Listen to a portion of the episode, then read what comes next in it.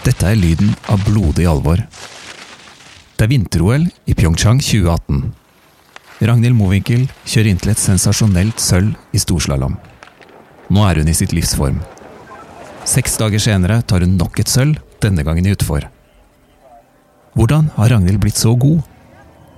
Hun mener selv at alt kan spores tilbake til lek og variasjon på trening i barndommen. Og Ragnhild sier at hun og de andre alpinstjernene fortsatt leker. Midt oppi alt det blodige alvoret.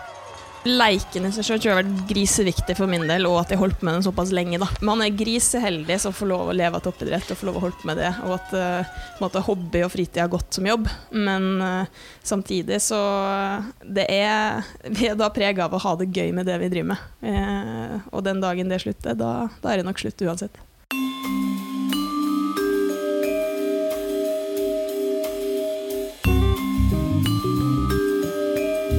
Velkommen til Pappatrenerne, podkasten som går i dybden på barneidretten. Meld deg inn i vår Facebook-gruppe for å bli med på samtalen, og husk å abonnere. I dag skal vi snakke om lek. Det vil si, vi skal forsvare lekens rolle i idretten. Vi mener det er nødvendig. Ikke fordi det er politisk korrekt å si at barna må få leke. Ikke fordi vi mener at idrett bare skal være kos og kardemommeby. Nei, tvert imot. Vi elsker konkurranse og kniving om andre baller og hundredeler.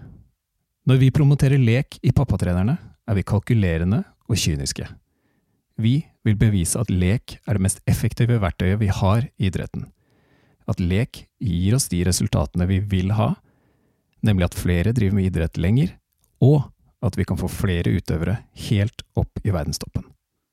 You know, the statistics of how many kids are playing sports and how many of them are reaching, achieving a very high level of performance and it's less than 0.1% of the kids. Is there any other system in the world that is built around 99% of the population?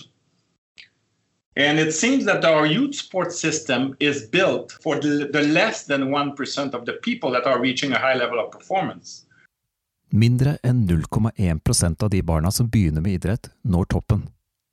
Likevel er det dem idretten som system er tilpasset. Den som sier dette, er selveste Jean Coté. Vi skal høre mer fra han senere. Men først til toppidrettssenteret. Der jobber Ragnhild Mowinckel seg tilbake fra skade, sammen med fysioterapeut Håvard Moxnes. Det er et møysommelig arbeid. Mellom slagene tar hun seg tid til et tilbakeblikk. Ja, når jeg vokste opp, så var det veldig mye Jeg drev med veldig mye forskjellig. Jeg var innom ganske mye, egentlig. Eh, og det vil jo si litt av grunnen til at jeg har blitt så god som jeg har i alpint òg. Det har vært veldig mye leikprega hele veien. Um, jeg spilte jo også fotball opp til jeg var 15 år, så det var liksom på en måte alpint og fotball så var de to organiserte idrettene jeg var med på. Uh, så på en måte dekt sommer- og vinterhalvår, egentlig. Men nå går jo den litt inn i hverandre, da, så da måtte du ta et valg.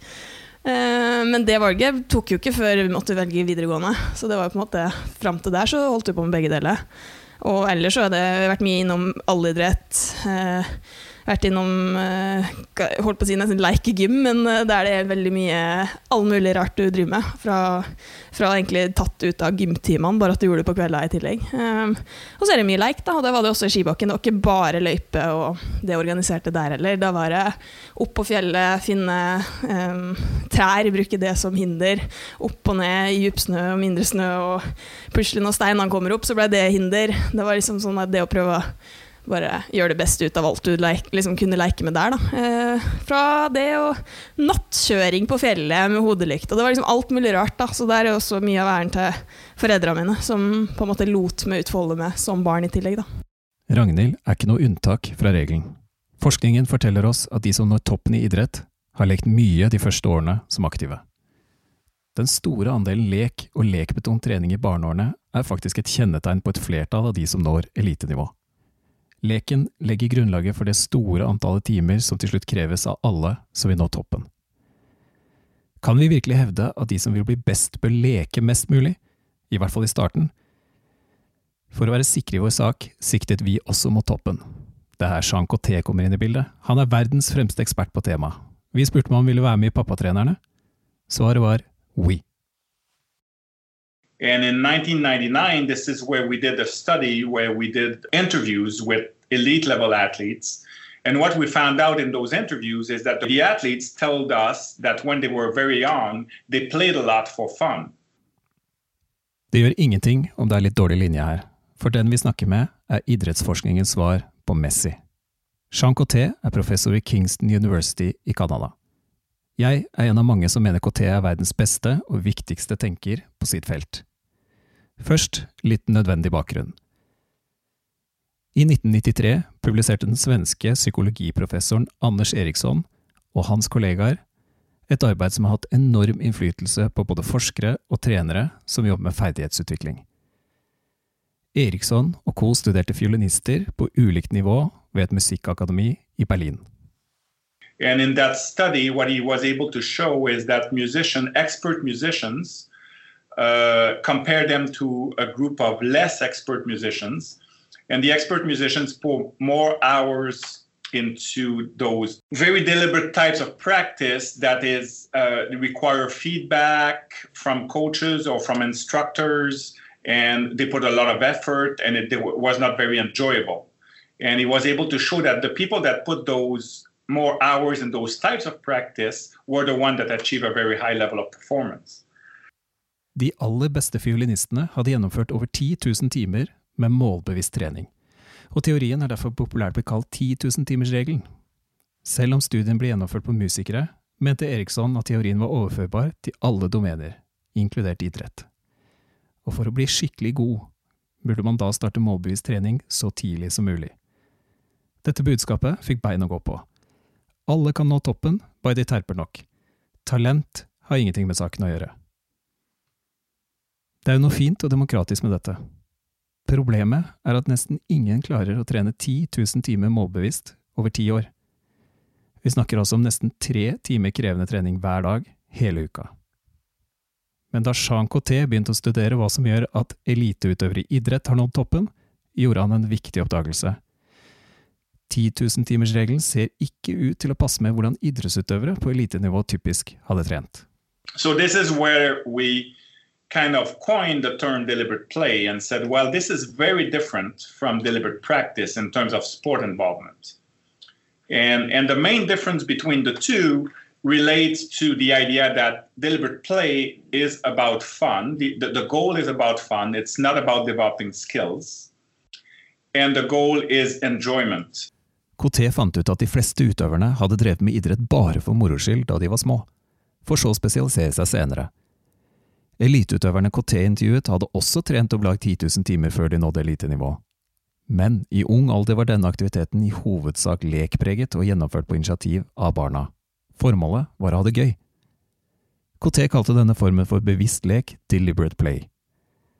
Utøverne KT studerte, hadde også gjennomført store mengder bevisst strukturert trening, men dette kom altså på et senere tidspunkt, og i økende grad fra begynnelsen av tenårene. KT lagde en modell som forenklet sier at man kan nå toppen i idrett gjennom enten tidlig spesialisering eller tidlig allsidighet. Dette er to svært ulike veier til toppen, men modellen påpeker også at deltakelse i tidlig spesialisering øker risikoen for skader og dropout. Tidlig allsidighet derimot øker sannsynligheten for trivsel og langvarig deltakelse. Det finnes anekdoter som støtter både veien til Eriksson med tidlig spesialisering, og veien til KT med tidlig allsidighet og lek for å bli så god som mulig. Så når noen roper hva med Ingebrigtsen-brødrene i denne diskusjonen, har de selvsagt rett. Du kan bli god med tidlig spesialisering også. Det interessante spørsmålet bør likevel være hvilken vei gjør det mest sannsynlig at vi når målene våre med idrett? Og selv om vi bare skulle fokusere på det målet om å bli så god som mulig, så er følgende ekstremt viktig å vite. Forskning gjort de siste tiårene er overraskende samstemt i å støtte KTs teori. At deliberate play i barneårene øker sannsynligheten for å bli virkelig god, sammenlignet med målrettet strukturert trening fra ung alder. So very often when I talk about deliberate play, I say it's immediate enjoyment, it's immediate rewards versus deliberate practice, it's done for the long term.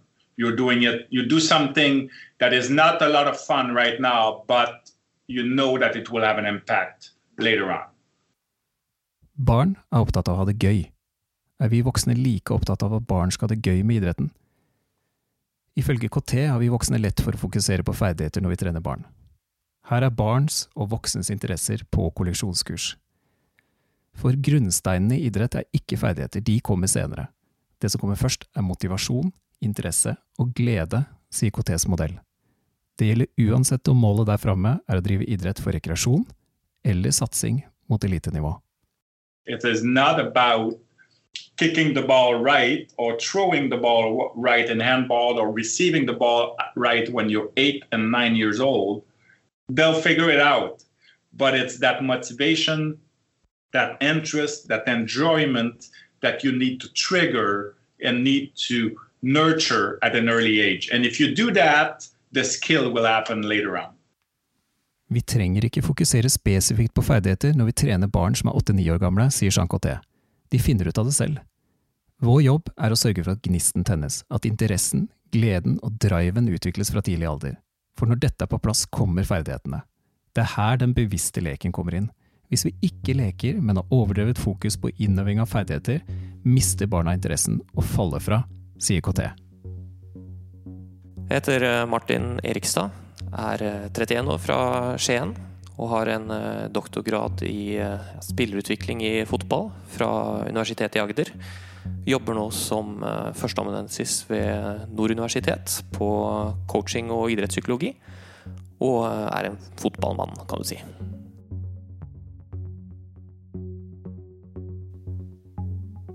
Martin Erikstad er en av de norske idrettsakademikerne som har fulgt KT tettest. Han har besøkt KT i Kingston og basert mye av eget arbeid på canadierens modeller. KT har også besøkt Erikstad og arbeidsgruppen han er en del av ved Universitetet i Agder. Noe av det viktigste vi trenere lærer, tror jeg er gleden ved å drive denne idretten, eller gleden ved å drive aktivitet. Og at det er noe av det viktigste man kan formidle sånn på treninger. At det er en eh, kombinasjon. At man, man, lærer bort idretten. Ikke fordi det er så viktig å bli best mulig nødvendigvis, men at eh, det, er, det, har en verdi i seg selv å drive med aktivitet og lære den og bli bedre. Det er noe alle syns er gøy. Eh, men at man også setter av tid til eh, noe som er kanskje spill, uten at du fokuserer på resultat, men at det er mer en fri lek som en del av, av treninga. Og formidler at den idretten du holder på med, det, det er gøy. Uavhengig av hvor, hvor, god man måtte bli. En av hovedutfordringene for oss som trenere er et ønske om å utnytte treningstiden effektivt. Da blir ofte struktur og disiplin overordnet. Det føles godt å gjennomføre den gjennomplanlagte økta med nøye timede stasjonsøvelser den litt mer kaotiske leken ser liksom ikke så bra ut på trening. Jeg har også vært trener sjøl, og, det er lett å komme på, på trening. Og så uh, må du fylle tida, og det man ofte gjør, er basert på uh, enten det du har eh, arva fra dine trenere, eller, uh, eller annet du har sett. Så, så fyller du med øvelser og struktur, kan du si, og rammer. Men som du også er inne på, at uh, man på trening kan ha elementer at uh, det er bra å sette av f.eks. halve økta til spill, og at da, da, trenger ikke du som trener stå og fortelle de hele veien hvilke valg de skal ta, men la de spille og teste ut ferdigheter, ta egne valg. Uh, at det vil være positivt, sånn at du får inn elementer av den løkkefotballen og leken inn i, i økta.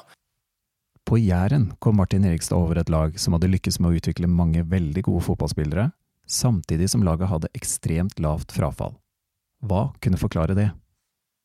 Fra dag én til den siste dagen så har 50% av treningene alltid vært spill. Tre mot tre, fire mot fire eh, når de var små. Da, og alt, alltid frem i hele barnefotballen så har alltid halvparten av treningene vært spill. Eh, spill mot spill, med få på laget. Alf Yngve Berntsen startet som pappatrener for Brynes gutter født i 1999, da de var seks år. Han fulgte dem helt opp til seniornivå. Dette laget er et høyst levende bevis på at bevisst lek gir de resultatene vi ønsker oss i idretten. Guttegjengen på nær 40 spillere opplevde nesten ikke frafall, og noen av dem ble skikkelig gode. Av den gjengen så er det vel de siste to år og 1, 2, 3, 4, 5 som har spilt på landslaget. Av de vi starta med for, for ti, da de var seks år. Hvordan jobbet egentlig Bryne-trenerne for å få til dette? Det tror jeg er fordi at vi har tatt alle på alvor fra dag én, uavhengig av ferdighetsnivå. At vi har prøvd å se alle og Eh, vi har jo selvfølgelig differensiert en, en, del, men vi har holdt de samla egentlig helt til de var 15 år, både bredde og topp. Selv om vi hadde mange kretslagsspillere, som holdt med de samla på treningene, samme treningsdagene. Og jeg tror de opplevde at de ble tatt på alvor, selv om de var liksom nummer 39-40 i gruppa. Det tror jeg at eh, en av årsakene til at nummer 20-40 fortsatte ut hele juniorperioden. Omtrent samtidig med at guttene begynte å spille fotball, sto en ny, flott fotballhall klar til bruk på Bryne. Klubben bestemte seg for at hallen alltid skulle være åpen og tilgjengelig for de som ville leke med ball. Fra de var åtte-ni år, da var de veldig ofte samla der på et øh, veldig 20-30 stykker i helgene. Øh, lørdager, søndager, og så spilte veldig mye uorganisert uten at vi voksne blandes opp i det. Vi stimulerte litt i begynnelsen med det, selvfølgelig, men, men, da var det det nærmeste du kom gatefotball. Da Da organiserte de det sjøl og spilte to mot to, tre mot tre. de gikk, gikk fra morgenen med matpakke og kom hjem seint på kveld. Hva tror Berntsen at denne uorganiserte fotballeken har betydd for gruppa? Det tror jeg har betydd uh, egentlig veldig mye, for de har fått nok repetisjoner uh, som på en måte er mer sånn naturlige bevegelser. Du får sånn som de ut forbi Paris eller i sør i London. De spiller streetfotball. Altså, du får de der naturlige bevegelsene inn på en helt annen måte enn hvis du deler opp og står i gruppe og står og venter på tur på en fellestrening. Denne kombinasjonen av uorganisert lek og lekbasert trening har gitt oppsiktsvekkende resultater. Erling Braut Haaland ble nylig tatt ut i A-landslaget for første gang. Snart skal han bryne seg på van Dijk og Liverpool i Champions League. Dette bare noen få år etter at han spilte lokal cup på Bryne. Og Haaland er en av flere som har blitt skikkelig gode på dette laget. Men å ha utviklet fem elitespillere, inkludert en spiss av internasjonalt format, er ikke det Berntsen er mest stolt av.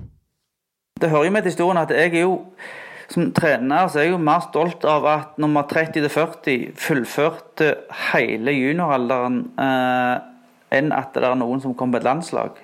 Det er jo folk i grupper som vet de er 35, 36, 37, 39, 40. At de valgte å helt til siste års junior komme på trening og spille kamper, det er det jeg er mest stolt av.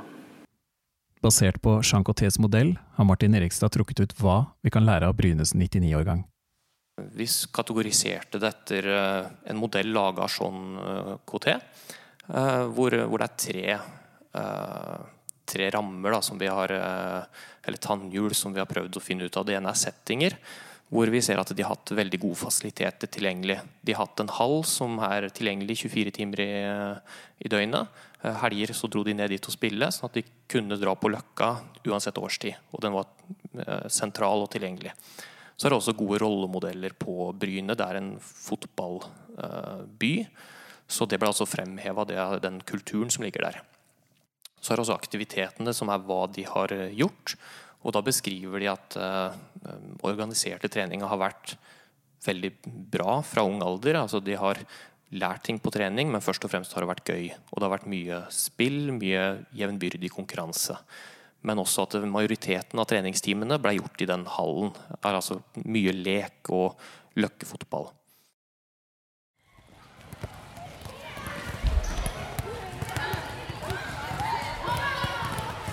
Klare? Tre ganger fem! Disse jentene er det jeg som trener. De er tolv år, og de spiller håndball i Bekkelaget. Mange driver også med fotball, friidrett, turn eller dans. Flere er aktive i tre idretter. Under dagens oppvarming har vi mattelek. To og to står mot hverandre på midtstreken. Jeg roper ut et regnestykke.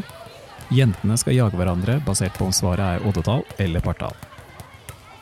Lydnivået tyder på at dette er en populær øvelse. Og jentene skjønner hvorfor vi driver med matte på håndballtreninga.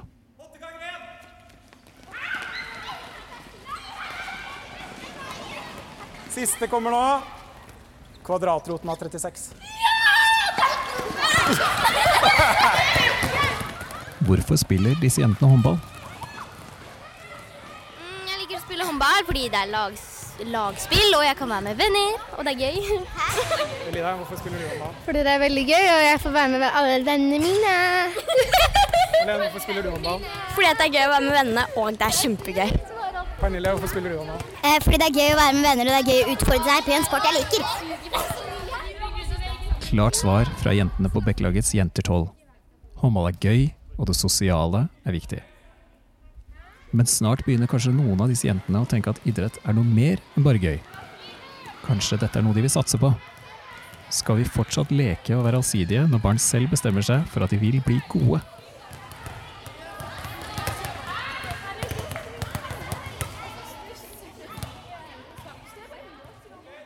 Norges toppidrettsgymnas, NTG, gir et tilbud til de som ønsker å kombinere idrett og skole. NTG-systemet har fostret mange stjerner. Mats Zuccarello, Magnus Carlsen, Sander Sagosen, Kristin Størmen Steira, Liv Grete Skjelbrei og mange, mange flere. Så når en tolvåring kommer til NTG, da er det vel slutt på leken.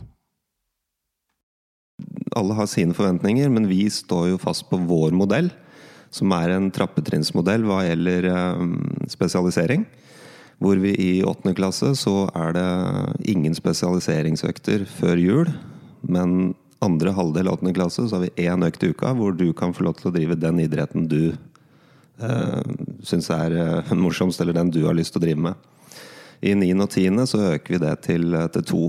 Vi har fem økter i uka, og det er kun to som går til spesialisering. Resten går til allsidighet, prøve ulike idretter og basistrening. Øyvind Eide er sportsdirektør i NTG-systemet. Han har den høyeste trenerutdanningen i fotball, Uefa Pro, og trenererfaring fra toppnivå, både for kvinner og menn. De som tror på terping og spesialisering fra tidlig alder, har kanskje en trosfelle i Øyvind Eide? Svaret er njet. Det, det vi veit med tidlig spesialisering, er jo at uh, sjansen for at du går lei, er jo ganske stor. Jeg tror, og det vet vi gjennom forskning òg, at uh, driver du med fotball 24-7 fra du er seks år, så er uh, sjansen relativt stor etter hvert for at du dropper ut. Fordi du går lei, rett og slett. Vi er opptatt av variasjon, fordi vi veit at variasjon det skaper motivasjon. Der har vi også den vanskeligste perioden, hvor det er puberteten. Så vi prøver å skille litt mellom de som er før pubertet og under pubertet. Og det, det handler jo mest om vekstkurven og hvor i vekstspurten man er. Hva med barn, og ikke minst foreldre, som ønsker at den ivrige tolvåringen skal få satse på sin idrett? Her skiller NTG klart mellom videregående og ungdomsskole. Hvis du begynner på videregående, så er alle klar over at her satser vi for å bli best mulig i den idretten som du, du driver med. Det veit foreldre, det veit trenere, det veit utøveren sjøl. Og hele den skolen vår på videregående nivå er jo rigga for at vi skal skape toppidrettsutøvere. Så der, der, er det ganske enkelt. Det er litt verre på ungdomsskolen. Der tar vi jo inn tolvåringer. De er tolv år når de kommer inn, så det er klart det er, de er veldig små. Og de får økt treningsmengde når de kommer inn, noe som gjør at foreldre reagerer ulikt på det også.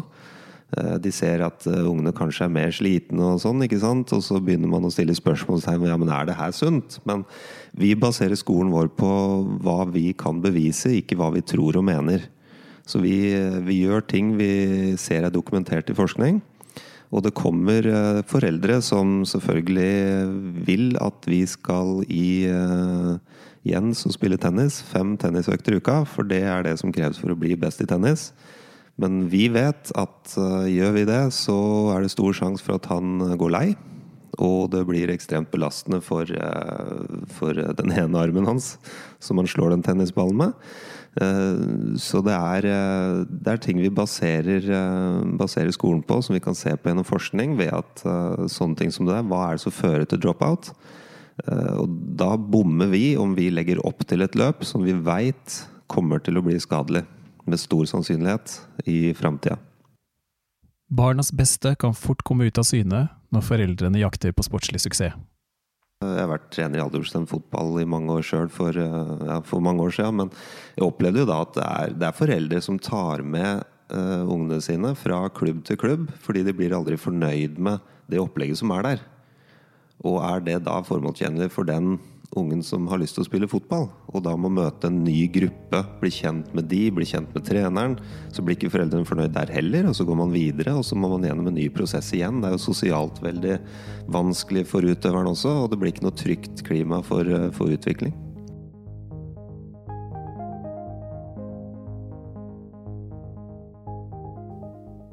Her er vi inne på noe helt sentralt. Foreldregruppa. Den er ufattelig viktig. Foreldregruppa kan være troll eller en positiv urkraft. Jeg har vært så heldig å kun oppleve det siste.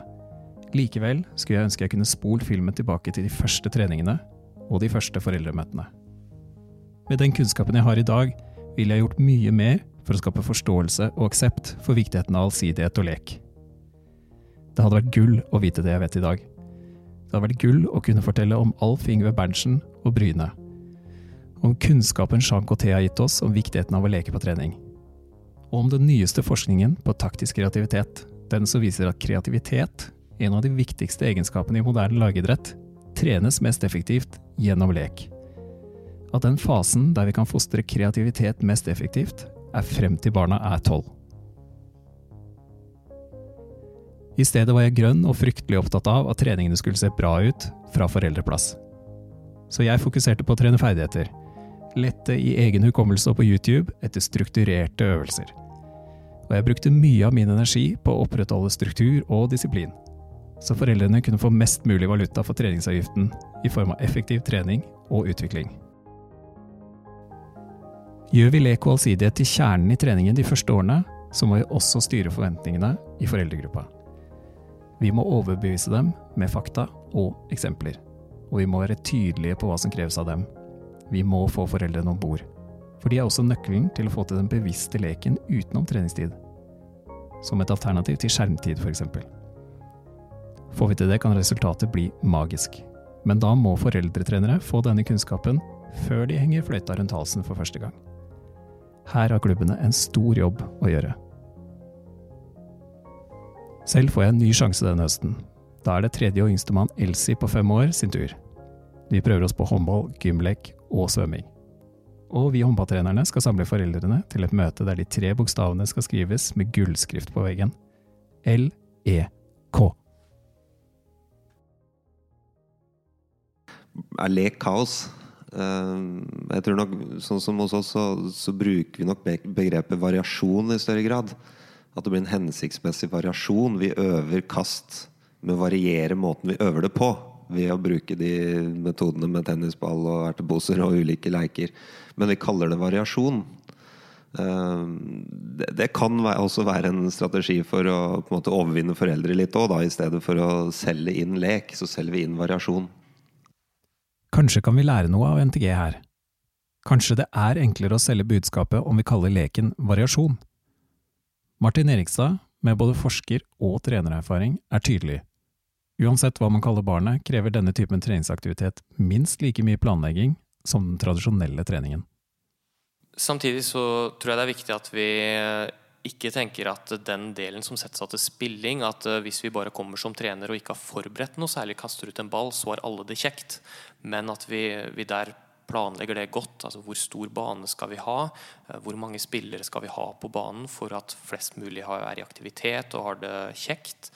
Og kanskje også hvordan skal vi dele inn laga for at eh, det er jevne lag og alle får motstand på, på sitt nivå. At det, det er ikke det at vi på trenere må være så aktive på sidelinja, men at vi forbereder dette på en god måte og har, klar, har klare rammer på det på økta. Vi skal ikke ha noen illusjon om at livet blir enklere for oss trenere om vi setter leken først. Det er kanskje et paradoks, men jeg opplever at det er mer krevende å lage gode treningsøkter med lekbaserte øvelser enn strukturert trening. Jeg er sjelden så sliten som etter en trening der leken sklir ut og gruppa blir som en gjeng glassmaneter, slappe og retningsløse. Glassmanetgjeter er ikke en kul jobb.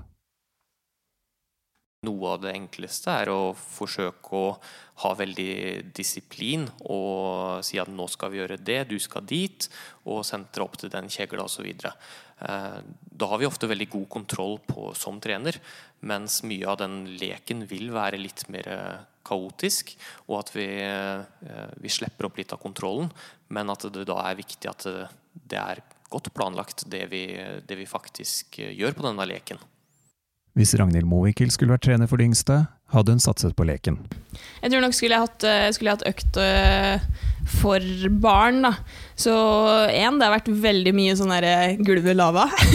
for det er veldig mye skjult læring i. Eh, å legge ut mest mulig apparater, eh, mest mulig der du må komme deg, du må bruke mest mulig. Det er ikke liksom sånn nå skal vi springe skøytehopp fra A til B. Eh, men det er mye, mye, av den delen, og heller bare utfordre barna på ting.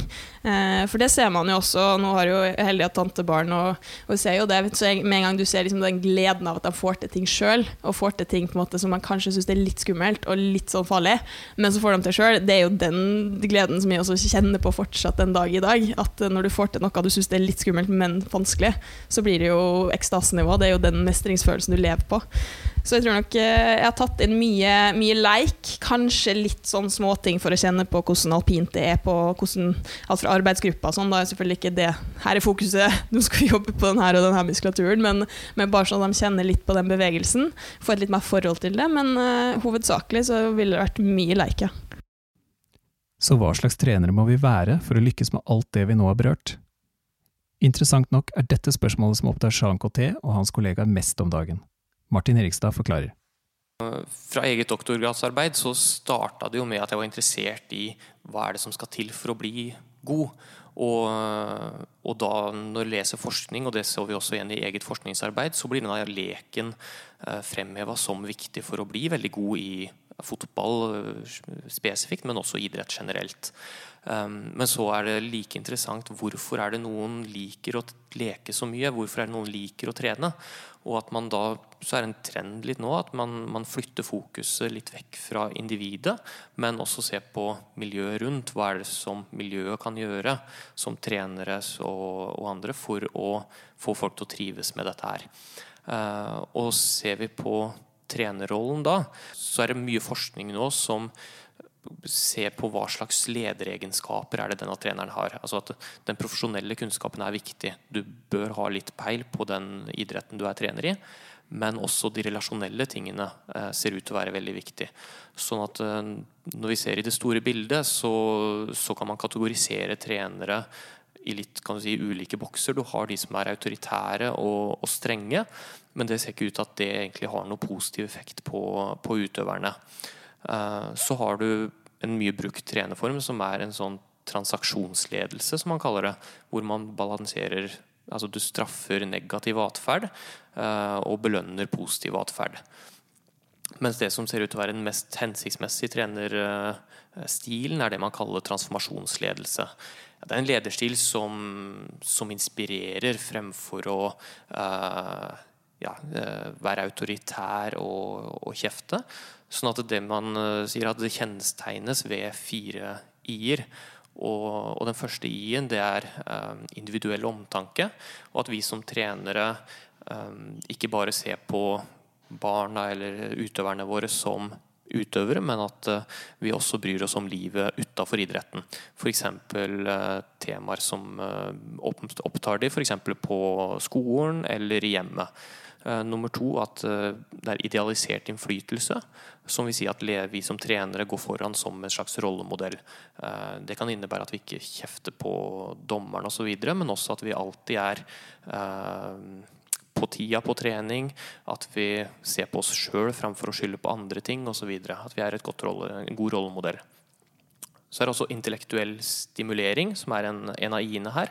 At vi som trenere ikke hele tida forteller hva de skal gjøre, utøverne eller spillerne, men, men at vi utfordrer de til å finne egne løsninger på problemer. Og så er det siste inspirerende, motiverende, at vi formidler en tro på det. Det kan være tro på, altså at vi viser at vi eh, tror på de utafor banen som mennesker, men også på banen at eh, jeg tror du kan bli veldig god i dette her. Eh, og det, det, kan være veldig god, men også at eh, jeg tror at hvis du trener, uh, trener godt i perioden framover, så kommer du til å bli en viktig del av laget. Um, ja, At vi formidler en tro på utøverne. Fram til de ni år så er det viktigste å være en fornuftig voksen. Uh, ifra de er ti år av så vil de beste begynne å kreve mer. Da må du få med noen fotballkompetanse inn i trenerteamet. Eh, ikke begynn som klubb og velg bort barn som har lyst pga. de kanskje er fysisk svakere eller ikke tilrygg. Lag opplegg i egen klubb der alle får sjansen til å vise seg fram. Eh, for noen er, kommer tidlig når de er 12-13, andre kommer seint. Eh. Og så skal vi òg De fleste klubbene i Norge skal ikke lage den neste Messi. Eh, jeg har opplevd, jeg har vært rundt litt og holdt i foredrag. Det er litt for mange klubber som lage opplegg internt i en liten breddeklubb som de kunne tro de skulle lage neste Messi, mens formålet deres er å lage en stabil ramme for ungdommer og barn som kan trives og ha det gøy med fotballen og ha en smil om munnen når de kommer hjem, ikke gråtende for ikke fikk spille. Nei, målet skal ikke være å lage den neste Lionel Messi. Men å leke utelukker på ingen måte at vi legger grunnlaget for en vei helt til toppen. For Messi er selv en som har lekt vanvittig mye med ball, og han gjør det fortsatt. Hør hva han selv sa i et intervju i 2012. Jeg spiller på samme måte som da jeg var en liten gutt. Jeg går ut på der og har det gøy. Hvis jeg kunne, ville jeg spilt kamp hver eneste dag. Både Messi og Mowinckel er topputøvere innenfor sine idretter som har bygget sin karriere på å leke for min del, eh, for at jeg skulle synes det var gøy å dra på, på allidrett eller organisert trening eller et eller annet form for det, som jeg husker når jeg var barn, da var det jo Nå skal vi leike òg. Det var på en måte mer en organisert form for leik, med innslag av den idretten du drev med. Um, men uh, måte det og at det ikke blir for seriøst fra, fra trenerens side. på en måte At ja, det, nå kan vi, vi kan ha på en måte tulletid, og det går greit, men de få tinga vi skulle ha som var seriøse, det det var, greit. Men da var det majoritet av leik og mindre seriøsitet. da.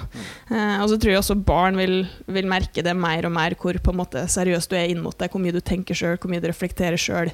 At det skal komme fra, fra barnet enn en, uh, trener og, og foreldre.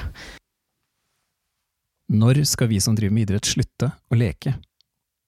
Aldri. Men eh, jeg tror det er viktig å holde litt på den leken ennå. Du ser jo liksom alle vi på laget. Det er liksom bare Ja, da begynner vi med fotballtennis, og alle bare Ja! Så fornøyd! Så det er liksom sånn eh, Jeg tror det er viktig for alle da å få litt bryter opp med leik fortsatt, om du er på toppidrett, da. Pappatrenerne er Martin Blekkerud og meg, Eirik Øystad, og produsert av kommunikasjonsbyrået Sleger. Nå håper vi du vil være med på samtalen videre i vår Facebook-gruppe. Der vil vi dele tips til deg som vil lære mer om å skape lek og variasjon på trening. Har du morsomme øvelser som utøverne elsker å gjøre? Uansett hvilken idrett dere driver med, del en videosnutt, en link eller en beskrivelse i gruppa. Så hjelper vi hverandre med å få flere med i leken.